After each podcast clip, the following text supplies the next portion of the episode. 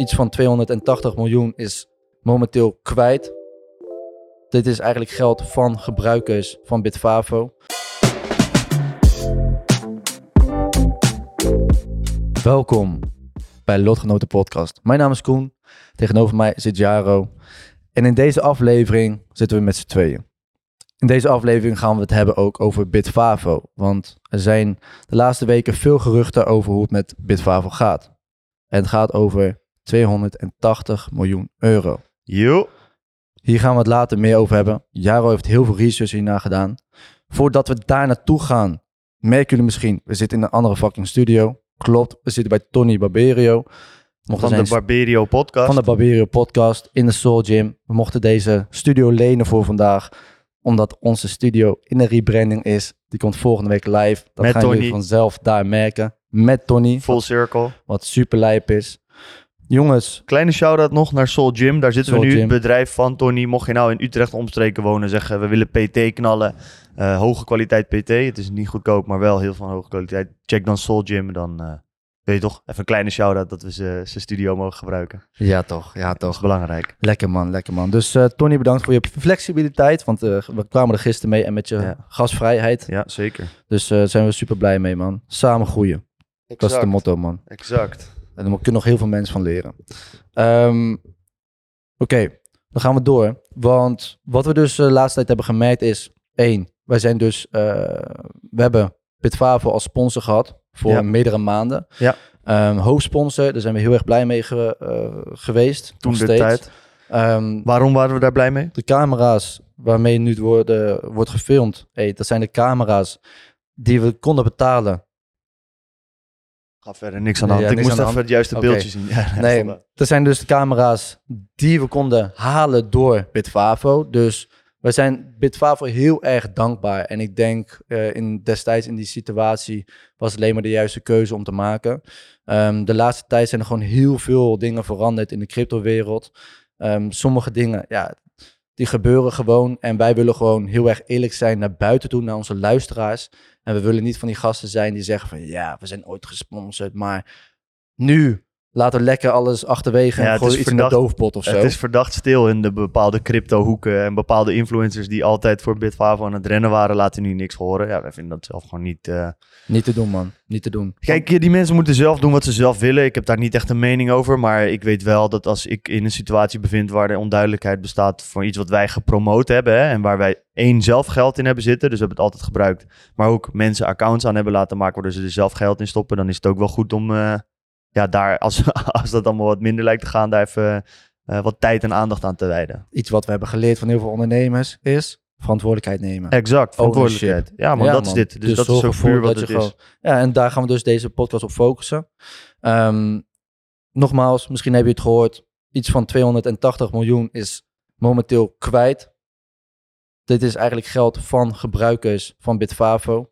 Eh, dan denk je van, hey, is dat veel geld? Dat is flink geld voor Bitfavo. Ja, Dat- want even de premise, ik weet niet of je dat er ook bij wou zeggen. Ze beheren Oh, ze beheren? 1,6 miljard in totaal aan funds. En daarvan is dus nu Hmm. 280 miljoen, is niet zeker eh, ja, of dat terugbetaald gaat worden. Daar Nou ja, ga jij nu dieper op in. Je kunt een beetje rekenen, maar dat is dus ongeveer eh, een zesde ongeveer aan, aan alle funds die ze beheren.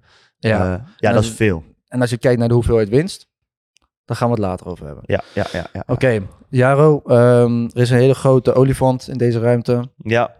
Kan jij een beetje van start gaan met wat de fuck Ja. is er nou aan de hand met Bitfavo en waarom hebben we deze podcast? Ja, voor iedereen die het kijkt, eh, we zijn niet ongeïnteresseerd op ons telefoon aan het klooien, maar we hebben heel veel onderzoek gedaan eh, naar dit onderwerp. En ik heb gewoon geheugensteuntjes nodig, want het is echt een diepe eh, soort van Rabbit hole. rabbit hole. ja, ja. En ja, ik heb het gewoon voor mezelf zoveel mogelijk gestructureerd. We gaan het dus hebben over de olifant in de ruimte, hè, die 280 miljoen van Bitfavo die kwijt lijkt te zijn, want dat is nog niet helemaal zeker. Ehm, nou, ik heb hier eh, duidelijk neergezet. Hè. We gaan proberen een compleet beeld te geven wat er eh, gebeurd is bij Bitfavo, wat de gevolgen hiervan kunnen zijn en wat jij kunt doen om je geld veilig te stellen. Want dat is natuurlijk het belangrijkste onderdeel. Hè. Mensen zijn bang van, hey, als Bitfavo klapt, mocht dat gebeuren, eh, hoe kan ik zorgen dat ik mijn geld niet kwijt ben? En dus bij sommige mensen gaat het om tientjes, 100 euro, bij anderen om duizend euro's of misschien tonnen. Eh, dus dat is wel iets waar je echt mee bezig wil zijn. Ehm Eén ding dat ik graag aan wil geven is, wij zijn niet nummer één experts op het gebied van financiën, niet op het gebied van crypto. Dus als we dingen zeggen waarvan je denkt, het klopt niet, er missen dingen eh, ook, want deze podcast nemen we op en dan komt die ongeveer anderhalve week later uit. Dus het kan zijn dat er ontwikkelingen zijn. Laat het vooral weten in de comments, laat het weten in DM's, maar zorg wel dat je feitelijke dingen stuurt die ook onderstand zijn met bronnen, dus artikelen, video's, whatever. Ehm, je uh, woede botvieren op ons mag. Uh, heb ik helemaal geen moeite mee. Dat mag je doen. Alleen we kunnen daar niet zoveel mee. ja, hier dus, ook uh, dus. Hier geldt hetzelfde als wat zeg maar, Tony heeft ons gegund met de gym. Ja. Hier geldt ook, gun elkaar een beetje, help elkaar erin. Ja. Um, iedereen heeft een klein beetje informatie. We hebben heel veel informatie bij elkaar verzameld. Ja. Hebben het hele beeld waarschijnlijk over, wanneer deze podcast dus uitkomt, niet meer. Nee. Nee, dus zorg inderdaad voor die comments. We hebben alle artikelen, zetten we ook in, uh, in, de, beschrijving, Ja, zeker. Om een compleet beeld te geven, zodat jullie de beste keuze kunnen maken. Exact. En uh, zo, zo, compleet mogelijk beeld. Hè. Dus uh, we gaan gewoon, ik ga gewoon starten in ieder geval. Van oké, wat is nou precies, wat is er aan de hand? Hè? Bitfavo is het grootste crypto-platform van Nederland. Wij hebben het gepromoot, veel mensen zullen het kennen. je kunt er crypto's kopen en verkopen. Vrij eenvoudig. Een, een heleboel verschillende crypto's. Van Bitcoin en Ethereum en Ripple tot uh, veel meer obscure coins, uh, waar je vervolgens dan zelf ook nog wat van zou kunnen vinden, hè, van bepaalde coins. Um, Bitfavo heeft een lening gegeven aan het bedrijf uh, Genesis, dat onderdeel is van de Digital Currency Group. En de Digital Currency Group, afgekort DCG, is een gigantisch bedrijf in de crypto. wat zij precies doen, gaan we straks nog een klein beetje verder op in, maar niet... daar ga ik niet helemaal diep in, want dat is echt een fucking diepe rabbit hole en dat is ook niet per se relevant in dit geval. Um, Bitfavo heeft die 280 miljoen geleend aan Genesis. Maar nu lijkt het zo, omdat Genesis in de nasleep van de problemen met FTX dat ingestort is, zelf financiële problemen heeft, lijkt het dat die 280 miljoen euro uh, mogelijk niet terugbetaald gaat worden. Wat betekent dat er 280 miljoen uh, mist op de balans van Bitfavo. Nou, dat is natuurlijk voor een bedrijf dat 1,6 miljard beheert, uh, is dat een ongelofelijke klap. We gaan nog kijken naar wat hun winsten gedaan hebben. Of in ieder geval wat ze aangeven dat hun winst gedaan hebben in de afgelopen jaren. Uh, of het op basis daarvan ook groot is. Hè? Dus het kan ook zijn van nou, misschien hebben ze eigen vermogen waarmee ze dat gat kunnen dichten. Dan zou dat een mogelijke oplossing kunnen zijn. Maar eerst heb ik een heel erg plakkerige stem volgens mij. Dus ik neem even een slokje water. Het inderdaad. Je hebt te veel koffie op, jongen. Lekker, lekker, lekker. Dat is echt het vervelendste dat je kunt hebben, man. Dat iemand zeg maar heel erg smakt in de mic. Um, ja, wat is de relatie tussen Genesis en Bitfavo? Wat, waarom werkten die twee samen? En waarom heeft Bitfavo in hemelsnaam 280 miljoen euro uitgeleend aan Bitfavo? Want, of Bitfavo aan Genesis, want wat is de logica daarvan? Mm Dat is het volgende. Bij Bitfavo, en dat is uniek voor de uh, uh, crypto-platformen in Nederland, vertelde Koen mij uh, net volgens mij. Dus ik weet niet 100% maar volgens mij zijn ze een van de weinigen waar je ook kunt steken. Mhm. En crypto steken uh, is een heel ingewikkeld ding. Ik ga het proberen zo makkelijk mogelijk uit te leggen. Is eigenlijk je crypto vastleggen om het blockchain-netwerk te ondersteunen en transacties te bevestigen. En in ruil daarvoor krijg je een beetje rendement, een bepaald percentage. Dus jij helpt met de rekensommen die gedaan moeten worden om transacties te kunnen verwerken. Dat over dat andere platform dat niet doen, daar durf ik niks over te zeggen. Oké. Wat ik wel wist is, luister, Bitfavo wil de grootste crypto-platform van mhm. Nederland zijn. En dan moet je doen wat je klanten graag van je willen. Ja. En staking is iets wat klanten graag wilden hebben. Ja. Dus dat heeft Bitfavo ingevoerd. Ja, en waarom zou je staking willen? Staking is eigenlijk, jij koopt eh, crypto hè, en dat kan gewoon in waarde omhoog of omlaag gaan. Uh, maar crypto kan ook een beetje een soort van dividenduitkering ze hebben geven. Uh, dus dan zet jij eigenlijk je crypto vast in staking. Dus je gaat het laten rekenen eigenlijk, even heel makkelijk gezegd. En daar krijg je nog extra rendement voor. Hè. Soms 1, 2, 5, 10 procent heb je zelfs gehoord. De projecten met 10 procent heb ik dan weer van gelezen dat dat over het algemeen niet echt lange termijn houdbaar was. Maar uh, op die manier kun je dus extra rendement maken uh, met je crypto's. Nou, Bitfavo ging dat doen. Alleen, Bitfavo is niet een super grote uh, cryptopartij op de wereldmarkt. Ze zijn redelijk klein en daarom konden ze niet zelf de service van steken regelen. Of in ieder geval, dat was te veel moeite, whatever. Daarom hebben ze dat uitbesteed aan Genesis. Genesis hielp Bitfavo om mensen te kunnen laten steken. En er was dus ongeveer 280 miljoen aan cryptovermogen uh, dat mensen op Bitfavo hadden gekocht en ook als staking beschikbaar hadden gemaakt, omdat ze extra rendement wilden maken. Uh, en dat geld, die 280 miljoen die gesteekt werd, stond bij Genesis. Uh, en dat geld lijkt mogelijk misschien niet meer terug te komen. Mm um, heel kort is het eigenlijk gewoon hetzelfde als wat er bij FTX gebeurd is. De reden daarachter is anders, maar jij hebt ergens crypto's geplaatst. En als vervolgens dan dat bedrijf failliet gaat of in financiële problemen komt, kunnen ze mogelijk die crypto niet meer terugbetalen. Is jouw crypto weg? Mogelijk. Uh, dat is dit op hele grote schaal. Heel belangrijk is wel, DCG, dus Digital Currency Group, en Genesis zijn beide nog niet failliet. Dus de bedrijven zijn er nog. Hè? Uh, waar FTX momenteel gewoon echt volgens mij een foreclosure is en letterlijk de tering in is, geldt dat nog niet voor deze bedrijven. Deze bedrijven draaien nog, ze leven nog. Alleen ze hebben momenteel een stop gezet op bepaalde uitbetalingen, omdat ze zeggen van het gaat financieel gewoon even lastig nu. We zijn bezig met een oplossing regelen. Ja. Uh, dus dat is belangrijk om te onthouden. Pleit dat ze dan vrij? Nee, maar dat is wel goed om te weten. De deur is nog, nog niet dicht.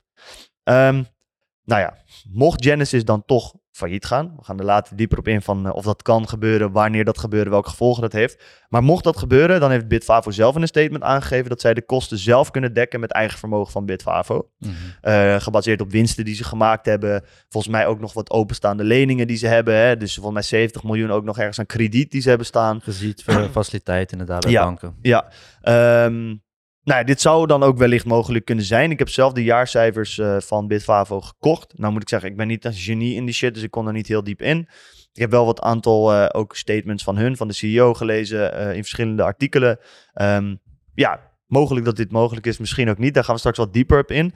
Het eerste wat ik heel belangrijk vind, want dat vind ik zelf best een gek verhaal, is had Bitfavo dit hele probleem niet al eerder aan kunnen zien komen? Want het komt heel erg, het kwam 16 december ongeveer, kwam het ineens heel rauw bij iedereen op zijn dak. Uh, en Bitfavo nam een beetje de houding aan van, oh ja, uh, wat gebeurt hier nou? Wat gek. Um, en als je vervolgens een artikel leest in de quote, uh, gesprek met de CEO, vind ik dat ook opmerkelijk. Hè? Want um, ondanks dat de CEO van Bitfavo nu wel enigszins erkent dat er een probleem is, leek hij dat eerst niet te doen. Uh, eerst deed Bitfavo een uitding van uh, ja, dat ze niet in gevaar waren door de val van Genesis. Hè? Dus dat werd hun gevraagd. Nee, is dit een gevaar voor jullie dat Genesis in de probleem komt? Nee, nee, dat is geen gevaar voor ons. Uh, dat Terwijl er op dat moment ook al bekend was dat er een directe band was met Genesis. Sterker nog, dat er 280 miljoen uitgeleend was in Genesis. Dus dat is best wel vreemd. Ik weet de directe beweegreden daarachter niet, kon ik ook niet helemaal ontdekken. Maar ik vind het raar dat als jij 280 miljoen hebt uitgeleend aan een bedrijf dat vervolgens financieel in de problemen komt, om te zeggen, nee, daar hebben we sowieso geen probleem van. Dat is gek. Ja, het is toch wel een soort van, wat banken ook altijd doen. Van, het is mooi weerspelen. Het is meer van, luister, als de CEO gaat zeggen, we zijn de dupe. Ja, dan komt er een bankrun je en dan ben je al je geld eruit ja. en dan gaat iedereen doen. Dan is het sowieso een probleem. En voor hun is het zeg maar van, willen we overleven, dan moeten we inderdaad die bankrun, wat betekent dat iedereen zijn geld eruit trekt. Ja, die kans wil je zo klein mogelijk laten. Ja, en um, ja, of dat goed is of niet, daar kun je over twisten. Hè? Want dat is natuurlijk, kijk, enerzijds mocht er een kans zijn op het redden van een bank, of dan bijvoorbeeld Bitfavo nu, hè, dan ja, als je dan slecht nieuws gaat verklaren, ja, dan, gaat, dan maak je het jezelf alleen maar moeilijker. Dus ik snap ergens wel dat je dat soort dingen, als het nog niet acute branduitbraak is, dat je dan zoveel mogelijk mooi weer blijft spelen. Mhm. Maar ja, aan de andere kant, het, is, het, ja, het maakt geen sens. Het is niet logisch. En mensen kunnen dat heel makkelijk ook backtracken. Zoals jou altijd zegt, sommige mensen hebben gewoon heel veel training gehad. Waarschijnlijk deze gast ook. Ja. Je weet gewoon hoe die correcte antwoorden moet gaan geven om zijn bedrijf staande te houden. Hij is ook de CEO van Bitfavo, hè? dus het is ook niet een of andere Jan Lul uh, van om niveau. dat hoop je. Daar ga je vanuit. Ja. Um, ja, ze deden dus die uiting dat ze niet in het geval, gevaar waren door de val van Genesis. Um, en daarna gaf hij een interview met de quote aan, toen dus wel toegegeven was dat het een probleem was. Zei hij ja, uh, ik wist niet dat het een probleem was. En dat soort uitingen, dit artikel is uh, vrij recent, denk ik een week oud of zo. Ah, oké. Okay, ja, um, wat ik interessant vind is dat hij dat zegt en van we wisten niet dat het een probleem was. En dan denk ik van oké, okay, de, dat, dat laat mij, geeft mij dan een beetje gevoel, dat is net hetzelfde als Rutte, snap je? Die dan vooral, ja, ik wist het niet.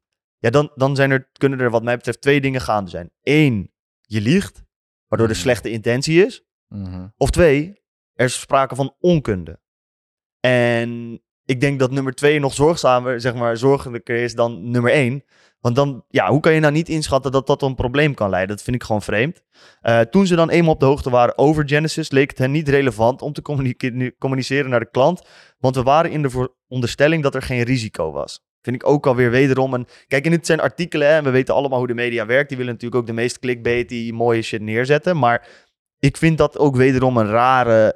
Uh, snap je, als er 280 miljoen dollar of 280 miljoen euro een soort van exposed is aan iets wat mogelijk failliet kan gaan. Dat is, ja, dat, daar lijkt me dat daar toch per definitie dan wel iets van een risico is. Ja, klopt, de claim geen risico lijkt me dan heel wild. minimaal risico of, of, of een te managen risico. Dat zou ik dan nog een statement vinden dat ik denk, oké, je, je hebt er nagedacht van, oké, dit zou het risico zijn, maar we hebben hier deze en deze oplossing voor. Maar geen risico vind ik, vind ik vreemd. Maar dat is omdat er ook geen rekening mee is gehouden. Ja, precies. Da- kijk, en dat is denk ik wel eh, goed om te weten. En ik merk dat steeds vaker hoe dieper je zeg maar, in het ondernemen komt. Je denkt altijd dat zulke grote corporate bedrijven super doordacht alles doen. Maar je Ja. moet beseffen, binnen de laatste twee, drie jaar hebben ze gewoon alles opgebouwd. Daarvoor waren ze niks. Ja. Nu zijn ze fucking groot. En zelfs vergeleken met andere cryptobedrijven zijn ze nog steeds super klein. In ehm, Dubai hebben we ook genoeg verhalen gehoord van jongens die binnen een paar jaar iets van honderden miljoenen verdienden.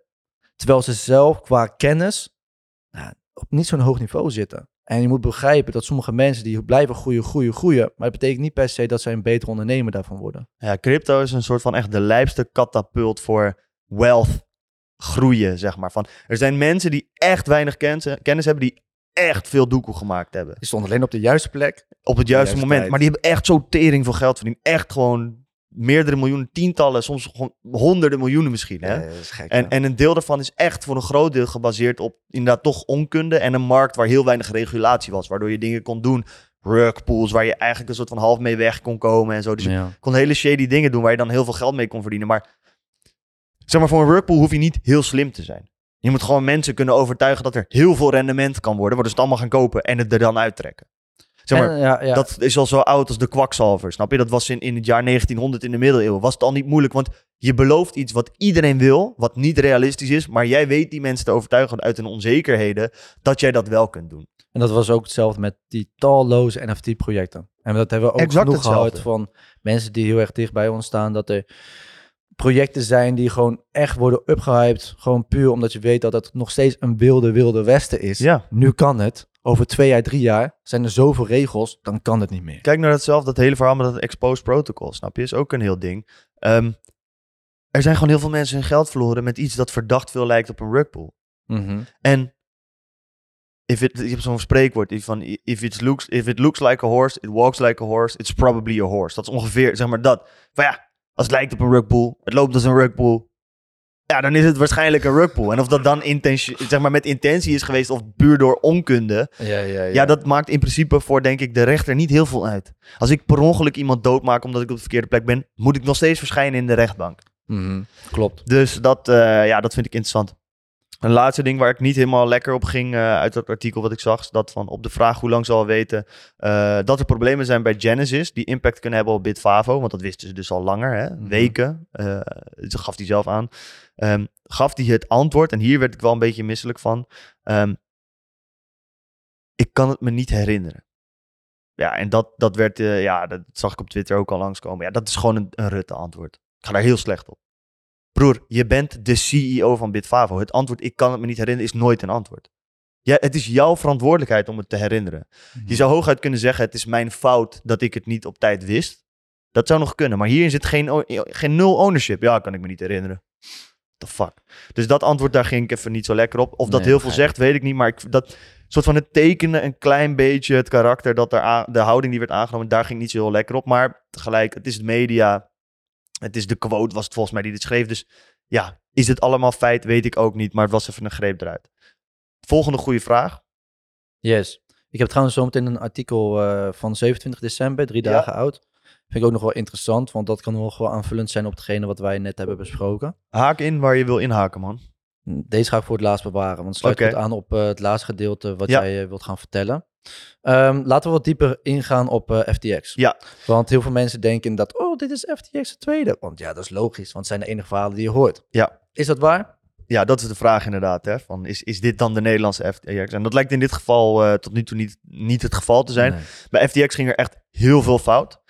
Belangrijk onderdeel daarvan is ook het zonder toestemming gebruiken van user funds. En hoe ik het begrijp is wat dat inhoudt. Jij koopt crypto. Bij bijvoorbeeld bij mij. Ik ben even een eh, crypto exchange. Hè. Jij komt mij, me 10 euro. Ik zeg, oké, top. Jij wil 10 euro Jij bent bitcoin. Sam. Jij bent Sam. Jij geeft mij 10 euro, gewoon euro's of, of, of dollars, whatever currency. Die ruil ik om voor de bitcoin en die bitcoin die hou ik voor jou vast. Dus die heb ik. Dus op het moment dat jij zegt, ik wil het weer terugruilen voor wat de bitcoin nu waard is, boep, heb je dat geld. Want ik heb die bitcoin. Ik kan die verkopen en dat weer dat geld aan jou geven. Dat is een beetje de goudstandaard die we ooit hadden. Voor elke euro die jij ergens had staan, was er x aantal goud. Dat goud konden ze verkopen en jou weer currency teruggeven. Ehm, bij banken hebben ze dat lekker losgelaten, maar bij eh, crypto eh, exchanges is dat eigenlijk niet de bedoeling. Ehm, dat zijn namelijk de user funds. En in principe is een crypto exchange niet in de problemen als er een bankrun komt. Op het moment dat elke euro die er op het platform gekocht is, gebacked is door een cryptocurrency. Want je kunt gewoon die currency verkopen en het terugbetalen. Dus mensen kunnen nooit hun geld kwijtraken op de manier dat ze niet meer kunnen uitcashen. Mhm. Dat is bij FTX wel gebeurd. Hoe kan dat? Omdat FTX met het geld van user funds andere shit is gaan doen zonder toestemming. Dus jij geeft me dat tientje. Ik heb dat tientje. Ik denk, oké, ik kan nu gewoon op het dashboard laten zien aan Koen dat hij dat tientje bitcoin heeft. Want hij gaat die toch niet opnemen, want hij is een holder. En je gaat naar Toto. Als je denkt, hé, hey, Ja, en ik ga Toto. gewoon... Juist. Ik heb die doekoe en ik denk van ja, ik kan nu ook gewoon niet die bitcoin kopen op het beeldschermpje aan Koen laten zien. Die weet toch niet of ik dat geld wel daar of niet voor gebruik. En er iets anders mee gaan doen. Bijvoorbeeld marketing van mijn bedrijf, waardoor ik weer lekker kan groeien. Of je gaat lekker gokken op Argentinië tegen Frankrijk, omdat je denkt dat dat ook sowieso al van tevoren bespeeld is dat Argentinië moet winnen. Dat, Wat heel veel mensen dat zou ook kunnen. Dan denk je van ja, dan heb ik dubbel winst. Dat zou ook kunnen. In- bij eh, FTX is het vooral gegaan in hele dure marketingcampagnes. Ja, ja, klopt met heel wel. bekende, met Matt Damon. En eh, hoe heet het, zat er volgens mij ook in die grootste, die bekendste merken voetballer. Uh, met Eh, Damon was met Crypto.com.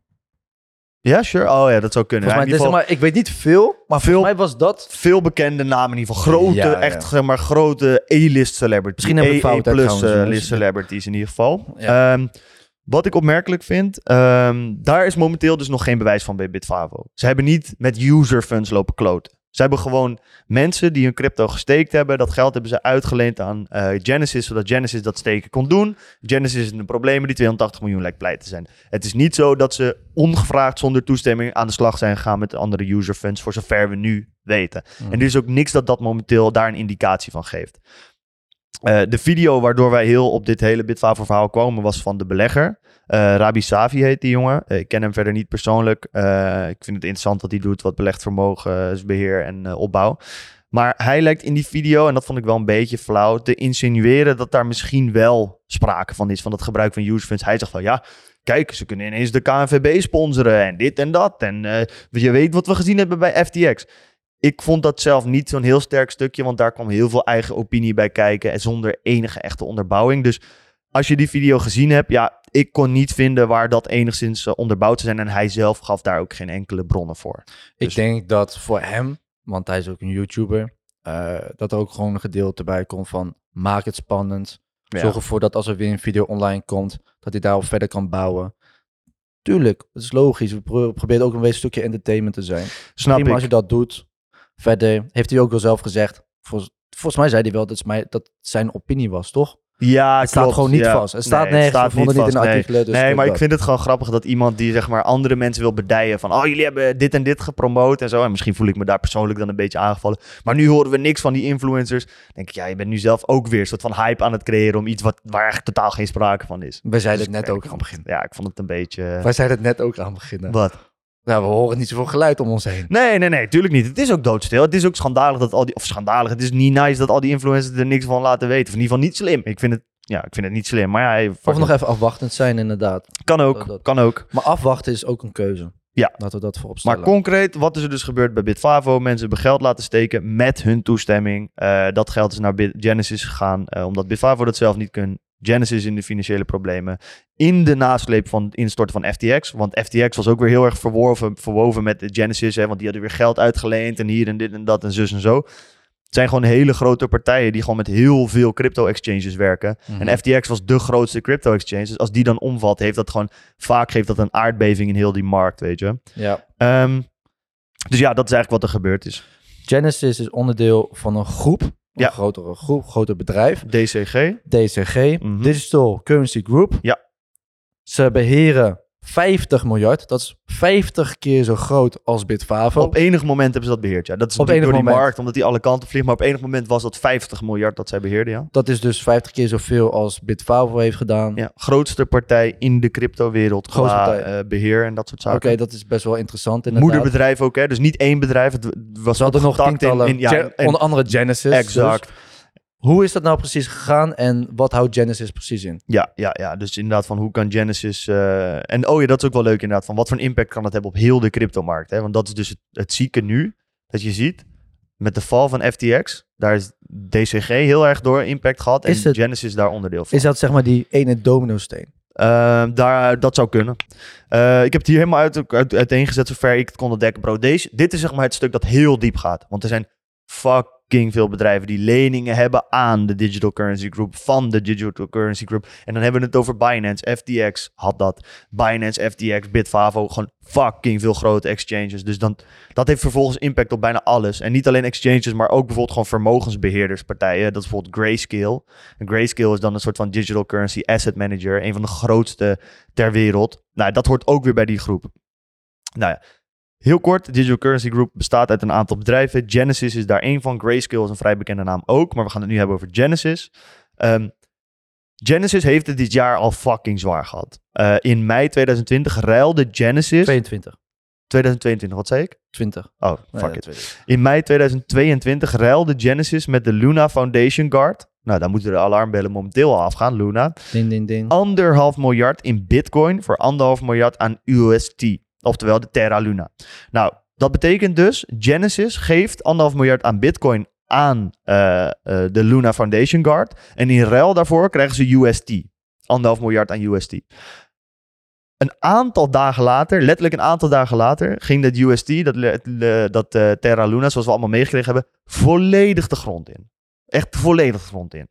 Dus die anderhalf miljard ging letterlijk in rook op. Gone. Dus ineens waren ze al anderhalf miljard kwijt. Nou, dat is al niet, niet heel nice voor Genesis. Ehm, dat dat, daarna had het ook nog heel veel te doen met eh Three Arrow Capitals. Wat ook een heel groot cryptobedrijf is. Daar ben ik niet te diep ingedoken, want dat is weer een hele eigen rabbit. Maar dat heeft ook heel veel impact gehad op hun. Kortom, ze hebben flinke els gepakt dit jaar. Dus financieel hadden ze het al zwaar. Ehm, vervolgens kwamen er nog grote verliezen met het instorten van FTX. En hiermee verloren ze ook nog eens in ieder geval 175 miljoen dollar aan funds die ze in FTX trading accounts hadden staan. Want iedereen die hier op FTX trading accounts had, weet ook, dat geld is gone. Je kan het niet meer opnemen, het is gewoon pleiten. Dus dan heb je gewoon alleen al, op die twee eh, problemen en het feit dat de cryptomarkt aan zich dik naar beneden is gegaan, Mhm. ben je gewoon al eh, 1 punt, eh, bijna 1,7 miljard dollar kwijt. Kijk, ik ben geen expert hierop. Hè. Alleen wat Bifava nu ook heeft. Zeg maar, je hebt een heel groot bedrag heb je geïnvesteerd van jouw users. Ja. Oké, dat is bijvoorbeeld 100 miljoen. Ja. En als dat pleiten is, moet je zelf eens ook nog eens 100 miljoen gaan neerleggen om weer terug te geven aan je users. Dus je kan het hebben over die anderhalf miljard of die zoveel miljoen. Alleen eigenlijk is dat nog zelfs het dubbele, naar mijn logica. Nee, nee, want Genesis, eh. Genesis is geen exchange. Genesis is een, eh, een, een leen- en uitleenplatform. Oh, en is alleen hoe uitleen. Ja, Ja, ja, het, was, ja, ja. het had meer te maken, en ik weet niet precies, precies wat ze doen, maar meer eh, grote financieringen voor crypto aan bedrijven. Dus zij werkten niet met particulieren en dat soort zaken. Zij Want zij deden echt financi- Bitfavo en shit. Volgens mij wel, man. Echt de grotere financieringen, leningen, dat soort zaken. eh, shit, man. Zeg maar het, het probleem van liquiditeitstekorten en zo. Een beetje dat verhaal. Volgens mij hielpen ze daarin. Oké, dat is wel interessant. Dat weet ik niet exact, maar zij was wel echt de grote partij. Meer met uitlenen en dat soort dingen, man. Oké, Ja, ja, Dat ja, maakt het ja, verhaal dus wel anders. Ja, dus niet direct user van, van, van Mm. mensen bij hun, zeg maar. Van, van echt klanten, particulieren bij hun. Nou, en dan komt het interessante verhaal. Digital Currency Group hangt boven Genesis. En voor de Digital Currency Group om niet failliet te gaan, moeten ze kapitaal werven om Genesis te redden. Want Genesis zit in de problemen. Die moeten dus kapitaal, geld gaan aantrekken hè, van investeerders. Van hé hey jongens, we hebben een gezond bedrijf, maar we hebben momenteel gewoon financiële problemen, cashflow problemen.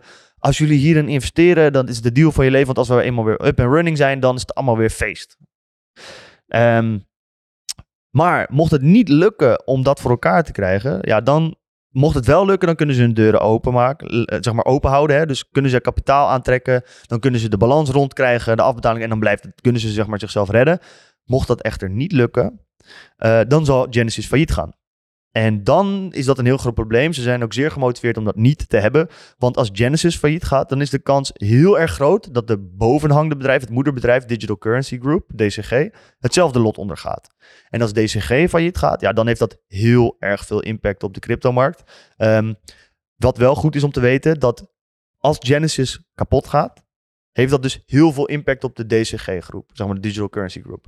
Wat hun wel heel veel motivatie geeft om te zorgen dat Genesis niet failliet gaat. Dus dat is op zich positief. Hè? Dus het is niet zo van, oké, cut our losses, laat Genesis maar gaan, weet je wel. Van, oké, nou, en, want dan zou iedereen naar zijn geld kunnen fluiten. Maar omdat het moederbedrijf ook heel veel impact gaat verd- hebben, zeg maar, hebben als ze eh, failliet gaan, hebben ze dus wel echt een goede reden om er hard aan te sleuren. Dus dat is op zich positief, want ze zullen wel echt veel inzet tonen waarschijnlijk om dat te doen. Eh, je zou zelfs kunnen zeggen, het is noodzakelijk om dat te doen, want anders is de hele toko naar de tering. Ehm, maar heel gewoon heel eenvoudig, kortom. Het is heel, het is heel ingewikkeld. Het is heel diep. Er komen heel veel bedrijven bij kijken, heel veel geldstromen.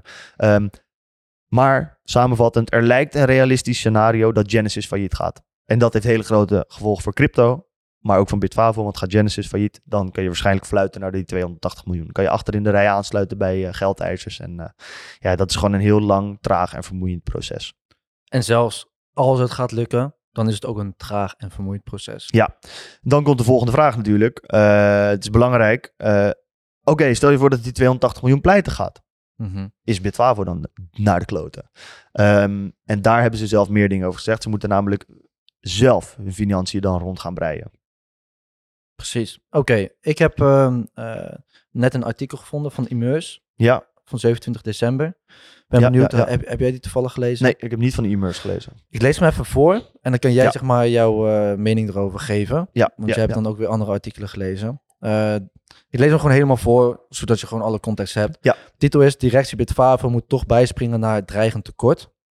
Bitfavo heeft niet genoeg eigen vermogen om de inleg van zijn klanten volledig te garanderen. De, Ame- de Amsterdamse cryptobeurs hield afgelopen weken voldoende kapitaal te hebben. Mocht het 280 miljoen euro aan klantengeld niet terugkrijgen van zijn financieel wankele partner Digital Currency Group, Mhm. nu is het toch een gat van circa 180 miljoen. Ja. Schrijft het FD. Ja. Had je dit? Wist je dit ook? Ja. Dit wist je ook? Ja. Van die 180? Ja. Oké. Staat de reactie daarop hier ook in? Zij zeggen, even kijken, nee, het is een heel kort bericht, man. Ja. Eh Bitfavo CEO Mark en twee andere medeoprichters springen daarom financieel bij. Ook zegt het bedrijf aanspraak te kunnen maken op andere externe fondsen. Ja. Dat begreep ik inderdaad. Ik wist dat ze uit de winsten, en daar kan je zo meteen meer over vertellen, al geld konden halen. Klanten hoefden zich niet druk te maken, al dus de directie. DCG was weliswaar geraakt door FTX, maar Bitfavo zou de 100 280 miljoen die het te goed had, gewoon terugkrijgen. Na vragen van het FD stuurde Bitfavo de jaarrekening van 2021 op, met daarin op 31 december vorig jaar een eigen vermogen van 33,8 miljoen euro. En dat is uit welk jaar? 21, hè? 21. Dit heb ik gecheckt, dit is correct. Dit ik is ben niet helemaal dus. thuis in jaarcijfers, maar ik heb dit bedrag terug kunnen vinden in de jaarrekeningen ingeleverd bij de KVK. Die heb ik gekocht. Oké, dat is top. Daarbij zou de cryptobeurs in 2022 een resultaat hebben behaald van maar liefst 65 miljoen, samen een kleine 100 miljoen. Ja. Oké, Dan is er nog een gat. dan is een kapot groot gat. Eh Mark gaat vanuit dat de eerste, eerste terugbetalingen in het eerste kwartaal van 2023 plaatsvindt. Maar het kan niet uitweiden over, maar het kan niet uitweiden over de terugbetaling. Beetje een rare zin. Oké, dat is eigenlijk het enige wat ze Ja. hierover zeggen. Kun jij eventjes je context geven over wat jij had opgeschreven? Want ja, hier ja, ja, gaat nog iets mis Ja, want mij. hier mist iets. Ehm, hier mist een stuk. Dit is gebaseerd op een artikel uit FD. Ja, En dat heeft best wel veel stof doen opwaaien. Eh, na het zeggen van de CEO van eh ehm, Bitfavo zelf, hebben ze daar namelijk cherrypicking gegooid. En eigenlijk, hij heeft het hele verhaal uitgelegd. Zij hebben een soort van een deel daarvan gepakt en de recht achter, recht, ach- rest achterwege gelaten. Ehm, dat, is, dat is zeg maar de media dus. Hè? ja, ja, ja, ja, ja, ja. En kijk, het is, kijk, de media wil er een mooi verhaal van breiden, want die willen kliks. De CEO wil er een mooi verhaal van breiden, want die wil ehm, het bedrijf redden. En in zijn eigen hachje redden. Hè? Misschien niet eens per se het bedrijf, maar zijn eigen hachje. En dat is vaak wel nauw verbonden met het bedrijf. En dan is er nog ergens de waarheid. Snap je? ergens tussenin. tussen al die ja, ja. dingen in. Tussen, tussen het slechtste situatie die de belegger schetst. Van Bitfavo staat aan de afgrond en gaat failliet. En de CEO die zegt nee, dit kunnen we easy fixen, want we hebben om in doekoe. Ergens daartussen zal waarschijnlijk de realiteit zitten. Ehm, en wij hebben die ook niet. Maar we hebben wel geprobeerd die zoveel mogelijk te destilleren. Om hier een beetje een genuanceerd beeld te geven. Van ja, wat zijn nou de mogelijke opties? Ehm, naar eigen zeggen van de CEO, Mark Nuffelstein. ehm, zijn er geen grote gevolgen. Hè? Dus gaat Genesis failliet, hebben die 280 miljoen niet meer, moet er een gat gedicht worden, dat kan. Hij zegt er zijn goede winsten gemaakt de afgelopen jaren. In 2021 zou er in totaal 175 miljoen euro winst gemaakt zijn. Dan heb ik dat hele verhaal van jou eventjes bij elkaar gegooid. Dat is gewoon opgemaakt uit, uit eh, een stukje winsten van vorige jaren, samen met de winst van dat jaar, eh, nog wat andere dingen erbij. Want, want dat klopte dus voor mij niet. Ik las dat eh ja, gisteren. Dacht van, oké, 33 en die, die, wat was het? Die Ja, 175. Oké, dan is nog een gap van 140 miljoen dan. Ja, ik heb daar volgens mij hieronder ook. Ja, hij, hij, de- je kunt dat vinden. Dat is helemaal uiteengezet in een van die artikelen. Dat heeft, even kijken. Ehm, ja, kijk, het heeft te maken met het feit dat ze, ze hebben goede winsten gemaakt. De afgelopen jaar, dus daar hebben ze die 100 miljoen uit. Ja. Dan hebben ze volgens mij zichzelf nog behoorlijk wat privé uitgekeerd. Volgens mij is er onder de, de, de drie eigenaren is er ergens 30 of 50 miljoen uitgekeerd. Zij hebben zelf gezegd van oké, wij willen dat geld wel weer teruggeven. Oké, sorry, ik wou flexen. Ik wil geld wil ik wel weer inleggen. Lamborghini. Om, eh, ja, precies, dat geld weer terug. Dus ehm, dat betekent ook dat ze meer verlies maken in 2022. Minder winst eigenlijk. Waardoor ze dus ook belastingtechnisch volgens mij nog 30 miljoen terug kunnen krijgen. Omdat ze dan zeg maar in de boekhouding terug kunnen zeggen van... oh ja, maar nu ineens, we hebben al onze boekhouding al ingeleverd. Weet je wel, vooruitbetaald voor 2022. Want het leek een heel goed jaar te zijn, maar nu hebben we problemen. Dus we kunnen nog 30 miljoen terugvorderen. Ehm, en er was nog een stuk kredieten die open stonden. In ieder geval, faciliteiten bij in- banken inderdaad. ja, in ieder waar ze geval, geld konden lenen. ze wisten dat eh, op die manier rond te breien. Ehm, En als we een exact getal eruit moeten plukken. ja, Ze zijn dus 280 miljoen verschuldigd. ja, En ik had gelezen, ik weet niet of jij dat eh, ook wist, maar dat, eh, dat ze in totaal 293 miljoen kunnen bij elkaar spronkelen. ja, En eh, in het, indien het nodig is, kunnen ze nog meer bij de banken lenen. Ja, ja, dat is een beetje inderdaad. Dus in totaal zouden al die winsten voor 250 miljoen ongeveer goed zijn. Ehm, wat ook terug te moeten zien in de jaarrekening van 2022. Wat ik niet helemaal begreep is dat de belegger in zijn video ook zegt van ja, er zijn ook nergens jaarrekeningen van 2022 te vinden van Bitfavo. Toen dacht ik, oké, ga ik opzoeken. Eh, jaarrekeningen 2018, 19, 20, 21 kan ik allemaal vinden, heb ik gekocht. Eh kan gewoon doorheen scrollen. Daar zie ik ook, naar mijn inziens, de benodigde informatie. En het is ook getekend door eh, een, een, een boekhouder van, of een accountant van dit is legit.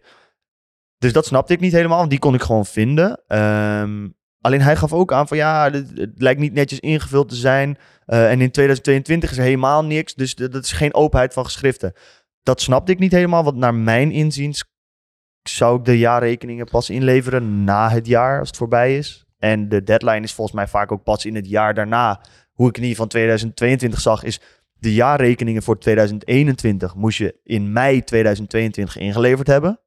Dus daar heb je natuurlijk nog tijd voor om alles rond te maken. Het is klaar, oké, dit is het. Dus hij was daar heel kritisch over. Ik snapte dat niet helemaal, want ik kon alle jaarrekeningen gewoon vinden tot nu toe. Ja, onze boekhouder, die gaat er pas in februari mee aan de slag. Ja, ja kijk, en misschien eh, dat grote bedrijven ook al vooruitwerken of whatever. Hè, en dat 2022 wat langer op zich laat wachten. Maar die belegger, Rabi Safi, was daar heel kritisch in. Wat goed is, alleen ik, ik snap het niet helemaal. Want ik kon de jaarrekeningen die tot nu toe beschikbaar zijn gewoon vinden. En de volgende wordt ook duidelijk aangegeven. Dat zegt ze ook van, eh, die komt zo snel mogelijk. Op het moment van de opname dus nog niet. Komt die beschikbaar van 2022. En ehm, ja, die, dus die lijkt er gewoon te komen. Dus hij was daar kritisch op. Ik snapte dat niet helemaal. Mocht hij dit nou toevallig zien, deze video, ben ik heel benieuwd naar wat extra toelichting. Van oké, waarom was je daar zo kritisch op? Want ik heb het idee dat ik het gewoon gevonden heb. Maar dus ik ben ehm, geen comment, financieel. Comment hieronder, de belegger, als je dit ziet bro, dan kunnen we daar een compleet Ja, man, want ik ben daar benieuwd van. Ik ben benieuwd naar van, oké, hebben ze dan niet de juiste jaarrekeningen? Kijk, het is wel een, in- een, een ingewikkelde bedrijfsstructuur. want als je kijkt, hè, ze hebben dan... Ze heb hebben allemaal van Ze die... hebben eh, Bitfavo ja, ja, kosten ja. die BV. Nou, die hebben geen jaarrekening, want dat doet, die verwerkt weer een bepaald onderdeel van de funds. En dan heb je Bitfavo BV, daar heb je wel de jaarrekeningen. Dan heb je Bitfavo Ventures BV, die hebben geen jaarrekeningen. Dan heb je Bitfavo Group BV, die hebben wel jaarrekeningen. En dan heb je stichting Bitfavo Payments, die dus alle betalingen verwerken. Eh, daar heb je weer geen jaarrekeningen. Dus het is allemaal wel een beetje, het is echt een teringlijpe groep van verschillende onderdelen van Bitfavo. Maar voor zover ik het kon zien met mijn eh, boerenkennis, eh, was, leek het niet helemaal eh, gek gefinest te zijn. Oké, maar dan is dat duidelijk. En dan Ehm, nog, ja, dat stukje nog van die 250 miljoen, hè, want dan heb je die 250 miljoen bij elkaar gesprokkeld, dan heb je nog die 30. En die 30 was dus kredietlijnen die ze nog zouden hebben van 70 miljoen. En de winstbelasting van 2021 terugvorderen van ruim 34 miljoen. Omdat ze dus dan terugwerkende kracht verlies maken. Dus laten we even een optelsom doen. Want de cijfers die ik dus hier heb staan, die kloppen niet. Eh, weet ik niet. Is onduidelijkheid over. Kijk, zij hebben in quote. Kijk, dat verhaal wat jij eruit haalt, is uit de FD. Toch? Ja. En de FD, daar is wel heel duidelijk over gezegd, daar is een niet volledig beeld geschetst. En in een later artikel zijn ze daarop teruggekomen. En hebben ze dan, want kijk, die e-mails heeft dit geschreven op 27e, toch? ja, dat is nu voor ons twee dagen geleden. Ja, alleen het artikel van FD is veel ouder. Is denk ik van 16 of 17 december. En zij citeren weer een ander artikel. En over dat artikel wordt gezegd dat geeft niet het complete beeld Ja. van wat er uitgelegd is. Het artikel klopt inderdaad. Dat is van 23 december. Dus dat Ja, kan, is verder terug. en ik kan niet lezen volgens mij. En waar ik het nu over heb, waar ik deze informatie vandaan heb gehaald, eh, dat komt van de quote, dat artikel, en die kan ik er even bij pakken. Die is, even kijken van welk jaar is dit, of van hier, welk jaar, van welke datum is dit? Deze is van 1612, daar kwam het eerste verhaal. En dan heb je daarna, ja kijk, nu, het is niet heel handig als we hier nu heel diep in gaan duiken, maar... nee. En waar ik Laten het we het ook... even concreet maken. Want kijk, voor mij dan, wat ik hier net heb gezegd, kan oud nieuws zijn. Ja. Geef eventjes aan dus van, oké, waar komt het geld precies nu vandaan? Want we hebben dus die winsten. Plus, Ik ga het exact voorlezen uit Crypto Insiders. Een eh, crypto eh, eh, artikel heeft dat geschreven. En daar legt hij het helemaal precies uit. want dan is het gewoon duidelijk. Oké, voor nu. komt-ie. Oprichters Bitfavo moeten bijspringen. Gisteren kon je lezen dat de Nederlandse cryptobeurs de klap zelf zou kunnen opvallen, mocht de 280 miljoen niet terugkomen. Na vragen van het Financieel Dagblad, het FD, stuurde Mark Nuffelstein, de CEO van Bitfavo, de jaarrekening over 2021 op, met daarin op 31 december een eigen vermogen van 33,8 miljoen. In 2022 zou de cryptobeurs een winst gemaakt hebben van 65 miljoen, wat bij elkaar iets minder dan 100 miljoen is. FD stelt daarom in het artikel dat er een gat van 180 miljoen zou zijn. In de jaarrekening staat tevens dat aandeelhouders Nuffelstein en medeoprichters Jelle de Boer en Tim Baerts in totaal 110 miljoen aan dividend hebben gekregen in 2021. Een balin! oh, dat is koude ziek. Ehm, volgens de accountant hebben ze beloofd om daarvan 100 miljoen terug te storten. Dus dan zit je al op 200 miljoen. Hè, 100 miljoen van de winsten, dividend die uitgekeerd is 100 miljoen, 200 miljoen.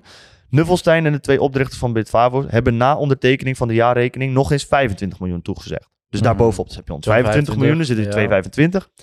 In een reactie op dit artikel laat Mark Nuffelstein, CEO van Bitfavo, het volgende weten. Bitfavo zou tevens gebruik kunnen maken van de kredietlijnen van 70 miljoen bij banken. En in het geval dat 2022 een verliesjaar wordt, omdat ze natuurlijk dan tand hoeveel geld moeten investeren, kan het de winstbelasting van ruim 34 miljoen over 2021 terugvorderen. Hierbij beschikt het bedrijf over meer dan voldoende financiële middelen. Mhm. Zoals bevestigd door accountant Grant Thornton. Dus heb je 225. Jij zegt 72 kunnen ze nog opvragen bij de bank. 70. 70. Ja, Oké, dus heb je 295. 95, plus ja. die 30 miljoen zit ze op 320. laten ja zoiets. 3, 325 ongeveer. Dus, eh, ja, dus dan zouden ze dat eh, gat kunnen dichten. Easy peasy. Lemon squeezy. Maar ehm, kijk, aan de ene kant wel. Aan de andere kant is dat dus wel een hele grote opgave. Waar ik hier ook zit te denken is leuk. Nu is er, dit is zeg maar zo'n eerste klap. Weet je wel? Ja. Over Genesis. Van dit gaan ze overleven. Stel er komt nu een tweede klap aan. Dat is Ik- een hele goede ik heb geen vraag. kennis hè, over crypto. Ja, maar ja. kan dat gebeuren? Dat is een hele goede vraag. Het kan sowieso gebeuren dat er in de nasleep dat er van FTX dat er er gaan nog veel meer bedrijven failliet gaan in de nasleep van FTX. Want dat had gewoon heel veel, heel veel pingers, vingers in heel veel pap eh komen, zeg maar. Te slecht voor woord, maar je snapt wat ik bedoel. Ehm, kortom, Bitfavo kan zich in dit geval naar, naar het schijnt financieel zichzelf regelen, redden. Maar dan jou, jouw vraag inderdaad van oké, ja, maar nu hebben ze 280 bij Genesis liggen. Ja, maar ja, dus straks is er een tweede. Ja, dan heb je het over 500 miljoen. Ja, eindoefening. Bitfavo zelf geeft aan nergens anders crypto's gestald te hebben. Dus alles is onder eigen beheer, behalve die, eh, dat geld dat gesteekt is. En dat is wel het mooie. Ze, hebben, ze hadden ook een stekendienst bij een andere. Volgens mij was dat uit mijn hoofd. Hè, ik durf niet precies te zeggen, maar voor Coinbase Ledger of zoiets. Weet. Coinbase Le eh, lening- ledger is sowieso... eh, Le- le- is iets met lenen alleen dan in het Engels. Loan, nee, geen loan. loan. Nee, nee, nee. Het heet Ja, anders. Lending. Mijn eh recall is niet zo goed op. Ja, Wat zij wel hebben gedaan is, ze hebben, hadden eigenlijk alle stekendiensten al teruggevorderd. ja. Alweer opgevraagd, stopgezet. Behalve dus bij Genesis. Genesis. Ja. Oké. Dus Zo zegt Bitfavo Ja. in een van de artikelen die Dus het lijkt dat de enige exposure, hè, dus, dus blootstelling aan het gevaar van de instorting van FTX en de gevolgen die dat heeft, enkel nog lag bij Genesis. En dat probleem lijken ze nu met eigen geld te kunnen oplossen. Eh, dus de, en ze zeggen verder niet exposed te zijn. Dus niet geld uit te hebben staan bij andere partijen. Mhm. Dus, Ja. dus dat lijkt dan daarna niet nog een risico te zijn. Naar zeggen. Naar eigen zeggen. Ehm, ja, man. Ja, en dan komt eigenlijk het belangrijkste onderdeel. Hoe gaan we dit fixen? Ja, want Wat leuk dat ze doen? claimen solvabiliteit te hebben. Hè? Dus dat ze zeggen van we kunnen het geld gewoon, we hebben het geld en we kunnen het probleem dichten. Eh, maar wat de fuck kan jij doen om gewoon je crypto veilig te stellen? Kijk, want ik kan wel begrijpen dat er heel veel jongens nu thuis zitten. Meiden, mannen, vrouwen. Die zeggen van, ja, leuk. Ik had het nog met mijn moeder erover. Mijn moeder was gelijk in paniek. Ze zegt, wat moet ik nu gaan doen? Dood. Gelukkig zit ze bij eh, Lightbit of zo. Ja. Dus dat is zo'n andere platform weer. Ja. Dus nou, er was niks aan de hand, gelukkig. ja. Nou ja, de- het verhaal blijft Oh. hetzelfde. Hè? Daar gaan we het zo meteen ook nog even over hebben trouwens. Goed eh, dat je dat zegt.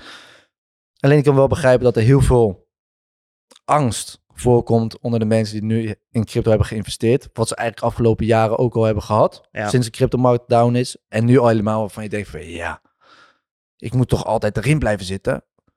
En nu, nu moet ik het echt eruit gaan halen. Ja, nu moet je het gaan verkopen en Dan zware verliezen waarschijnlijk. ja, duizend euro verlies voor een kut. gemiddeld persoon. Ja, kijk, het belangrijkste wat dit aan de, aan de kaak stelt... en wat denk ik ergens ook wel goed is... ik hoorde dat in een andere podcast... is dat mensen nu bijzonder gewaar worden. Kijk, ze zeggen nu, oh, crypto's zijn kut. Maar in de essentie, al de problemen met FTX... met de- al die dingen, ligt niet aan bitcoin. Bitcoin is gewoon een asset die je koopt en verkoopt. En al die exchanges zijn een partij die zegt... hey, dat kopen van die bitcoin is wel ingewikkeld, hè? Als je dat zelf wil gaan doen met, met ledgers en codes en dingen versturen is fucking vaag. Toch?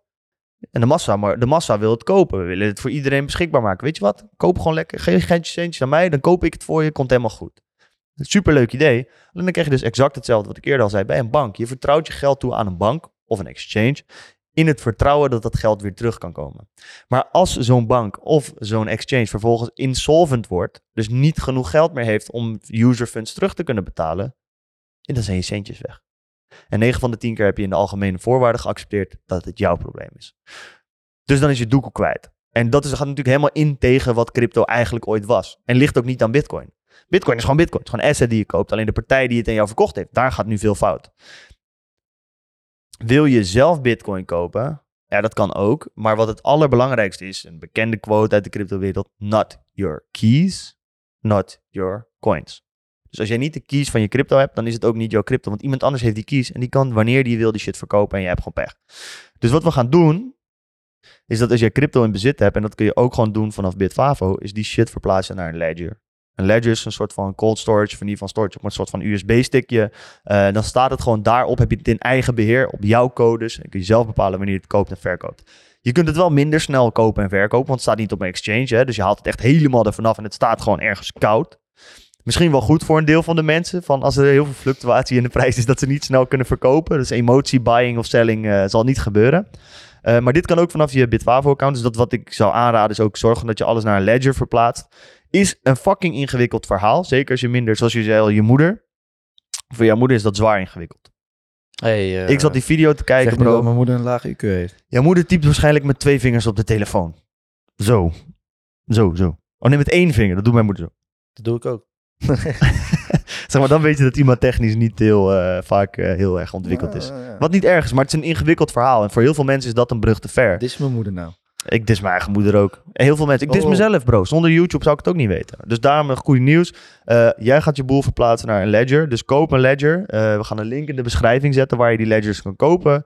Ehm, we gaan ook een video neerzetten hoe je vervolgens die coins naar je ledger kunt verplaatsen. En het belangrijkste nog, check even welke coins worden ondersteund door die ledger. Want ze ondersteunen niet alle coins, wel een heleboel, maar daarvoor heb ik ook een link gezet. Kijk, sowieso de top 20 coins zitten er en heel veel kan je daar wel doen. Sommige wat obs- obscuurdere coins niet. Dus check dat even. Je, daarvoor hebben we ook een link staan van supported crypto assets van Ledger. Dan kun je dat daar gewoon doen. Eh, en ja, dan de laatste vraag. Voor die, eh, voor die ledger. Ja, Ehm, zelf heb ik ook altijd gebruik gemaakt van MetaMask. Ja. Ik moet zeggen, dat is dus geen exchange, maar dat is zeg maar een decentraliseerde wallet online. online. Ehm, ik moet zeggen, volgens mij is dat ook gewoon goed. Het is ook wel een ingewikkeld verhaal. Enige probleem wat ik daarmee had. Laat me dat trouwens even uitleggen. Je kan daar ook gewoon zeg maar op. Je kan erop traden, swappen, kopen, verkopen, Ja. storten, ophalen, opnemen. Ehm enige probleem wat ik dan daarbij had was inderdaad van oké, ik gebruik de Bitfavo altijd om het naar Bitfavo te storten en dan naar mijn eigen bankrekening. Ja. En het staat altijd nog ergens online. Hè? Dus je kan met je mobiele app kan je erop. Ehm, en je hebt via je extensie op je computer kan je, er, je ook op. Het mooie hieraan is wel zo, het is wel echt voor jou. Ja, ja, en het ding is wat ook goed is, wat jij zegt, dat moet je er wel bij zeggen. Dat geldt voor een Ledger, maar ook voor MetaMask. Als je het wil uitcashen, moet je dat inderdaad wel via een exchange doen. Dus Ja. via een Bitfavo of via een Binance. Maar tot, zolang je hem op die van jou hebt staan, heb je niks met die exchanges te maken. Wil je uitcashen, ja, dan moet je het even naar Bitfavo overmaken en van Bitfavo naar je rekening. Want dat werkt met hoe je het Ideal en zo kan doen. Maar wat jij zegt, ik ging daar wat onderzoek naar doen, naar MetaMask. En ik kon toen in ieder geval vinden dat dat, dat draait op het Ethereum-netwerk. Mhm, Dus je moet alles continu naar Ethereum doen. Maar heb jij een andere coin die niet op Ethereum-netwerk draait, kun je die niet op je MetaMask zetten. Wel, dat vond ik dus apart. Het is inderdaad een Ethereum wallet. Ja, Alleen, ik heb ook, ehm, eh, ik weet niet hoe, het is alweer even geleden dat ik op uh, MetaMask heb gezeten. Hè? ja. Ik maak er lang geen gebruik van. Ehm, alleen je hebt ook andere wallets die ik gewoon kan aanmaken. Maar ook, in ieder geval hoe ik het nu begreep, hè, maar dat is even mijn ding, is dat het... Het hoeft niet via Ethereum, zeker niet. Oké, nou dat de- is hoe ik het nu begreep. Mocht dat Want nou de niet zo zijn... oh, dat was op een gegeven moment mijn probleem. De gasprijzen bij Ethereum waren echt sky high. Ja, En ik zei van, ik ga niet voor elke trade fucking 30 euro neerleggen als ik een tientje wil overmaken. ja, En dat ging wel over een paar honderd euro en zo. Vaak ging dat ook fout. ja. Dus wat ging ik doen? Ik ging meer op coins, wat niet op de Ethereum Maar op Solana. blockchain, maar op bijvoorbeeld Solana inderdaad. ja. Of eh, op andere eh Ja, blockchains oké. zat. Weet ik het fijne niet van. Als jij dat misschien nog kunt checken, mochten we dat kunnen Oh, dit. vinden. Ik zoek wel eventjes een video. Ik drop Ja. dat in de comments. Ja, Maar inderdaad, bij dit soort dingen, doe je eigen research heel erg goed. ja, Ik ben hier geen expert in. Dit is mijn manier hoe ik het heb uitgevonden. Voor mij ook alweer een jaartje geleden dat ik die heb geïnstalleerd. Ah, laten, we- want ik vind wel, kijk, doe je eigen research 100%, hè, dus blijf dat ook doen. ja. Maar wij moeten wel genoeg dingen aanra- aanreiken aan mensen om in ieder geval nu ook wel actie te kunnen ondernemen. ja, MetaMask, Anders vind ik dat zo slap. Maar in ieder geval, er staat, Ledger. Staat MetaMask. 100% uitgelegd, kan je sowieso fixen. MetaMask, MetaMask zullen we dan ook even een video toevoegen. Ja, ja. Voordeel van MetaMask is ook voor als je een cheap ass bent, je hoeft geen Ledger te kopen. Ledger is toch weer zeventientjes. Mocht je dat niet willen, download je gewoon Oh, zo. MetaMask. Ja, ja, het kan, weet je. Ehm, en de laatste, denk ik, belangrijk onderdeel. Is het momenteel nog mogelijk om geld van Bitfavo af te halen? Want dat is natuurlijk waar op een gegeven moment het probleem altijd begint bij die fucking cryptomarkten. Is dat je op een gegeven moment niet kunt uitcashen. Oh, oké, ik wil nu mijn bitcoin verkopen, maar dat kan niet. Ehm, we kunnen daar ook nog een keer dieper op ingaan, want Bitfavo heeft daar al vaker wel een beetje half sketchy dingen mee gedaan. Dat ze ineens het traden van bepaalde coins niet mogelijk maakten en zo. Op bepaalde ogenblikken. Dus dat is altijd een beetje wat voor te zeggen. Maar ja, dat is met exchanges. Die hebben gewoon wat dat betreft veel macht. Maar nu, de belegger, en dat vond ik heel opva- opvallend, gaf aan, mensen kunnen niet meer uitcashen bij Bitfavo. En dat is natuurlijk een eerste teken van fucking veel problemen. Alleen ik heb het gisteren nog geprobeerd. Ik heb er geen problemen mee ervaren. Ik ben vervolgens gaan kijken op Twitter. Want ik dacht van bro, als je je funds niet meer uit, uit Bitfavo kunt trekken, dan gaat dat op Twitter gaat dat geluid maken. Twitter niks te vinden. Niks over mensen die funds er niet af kunnen halen of whatever. Ehm, dus voor zover ik weet, kun je prima je geld nog van Bitfavo afhalen. Dus als jij zegt, nou ik wil het niet naar Ledger verplaatsen, niet naar MetaMask, ik wil het gewoon afhalen, kan dat voor zover ik weet. Alleen het probleem is, ik wil het er bijvoorbeeld niet afhalen. Reden, dan sta ik dik in het verlies. Want ik, ben- ik, ik sta niet echt lekker met mijn crypto's. Dus ik wil het niet uitcashen. Ik wil het gewoon op een ledger knallen en gewoon laten staan in bitcoin. Je hebt nu ook een ledger gekocht, toch? Eh, ja man, ja, ik heb eentje besteld. Het duurt waarschijnlijk weer koude lang voordat ik hem binnen heb. Want volgens mij moet het weer uit Amerika komen of zo. Maar Ja. eh, Dan zou het wel, zou ik adviseren. En ik zou er even goed research naar doen, jongens. Ik zal de juiste video's eronder plaatsen. Maar MetaMask kan je eigenlijk zo doen. Het is wel even ingewikkeld voor als je zeg maar nooit hiermee bezig bent. Alleen vraag ook even in je omgeving. Er zijn genoeg mensen die hier wel gebruik van maken. Zeker de wat meer experts in de cryptowereld. Ja. Zoals de belegger zelf. Ja. Maken er allemaal gebruik van. ja, klopt. Hij heeft het zelf inderdaad ook op een ledger staan. Eh, nou ja, en verder wat ik dus interessant vond. Ja, de belegger Rabi Savi gaf dus aan dat mensen niet kunnen uitcashen. Ik heb dat zelf niet gehoord, niet gemerkt. Ik kan het ook op Twitter niet vinden. Ook geen andere berichtgevingen daarover. Eh, mocht je dit probleem dan wel hebben, stuur dan even een DM met screenshots. Eh, dan ben ik heel benieuwd hoe dat kon, hoe dat kan. Ehm, dus ja, dat is eigenlijk een beetje het hele verhaal, man. Dat is eh, denk ik voor nu. Je hebt nu, eh, wat is er precies gaande? Wat kunnen de gevolgen daarvan mogelijk zijn? Een aantal scenario's. Wat kun je doen om zelf je centjes veilig te stellen of je crypto's veilig te stellen? En ik denk ja, dat daarmee... Laten we het hierbij afsluiten. Dit is voor het eerst, denk ik, in een jaar dat wij samen met z'n tweeën zitten. Ehm, we vonden het heel erg belangrijk om hier over Bitfavo te praten. Komt er misschien een deel 2? We hebben geen flauw idee hoe het allemaal gaat lopen. ja, Het belangrijkste is dat jullie nu geïnformeerd zijn. ja, En dan kunnen we gewoon doorgaan naar volgende week. Nieuwe studio. ja. Wordt super lijp. Ja, ja, en wat ik nog even gezegd wil hebben is ook van... Zou ik dan nu aanraden om nog meer crypto's te gaan kopen bij Bitfavo? Ehm, kijk, als jij zegt ik koop crypto's en ik ben goed met die shit... en ik verplaats ze daarna gelijk weer naar mijn Ledger of gelijk weer naar mijn Metamask... Ja, dan haal je direct weer van de exchange af. Ja, dan zou ik momenteel, eh, nu in deze week... Het is nu 29 december, 30 december...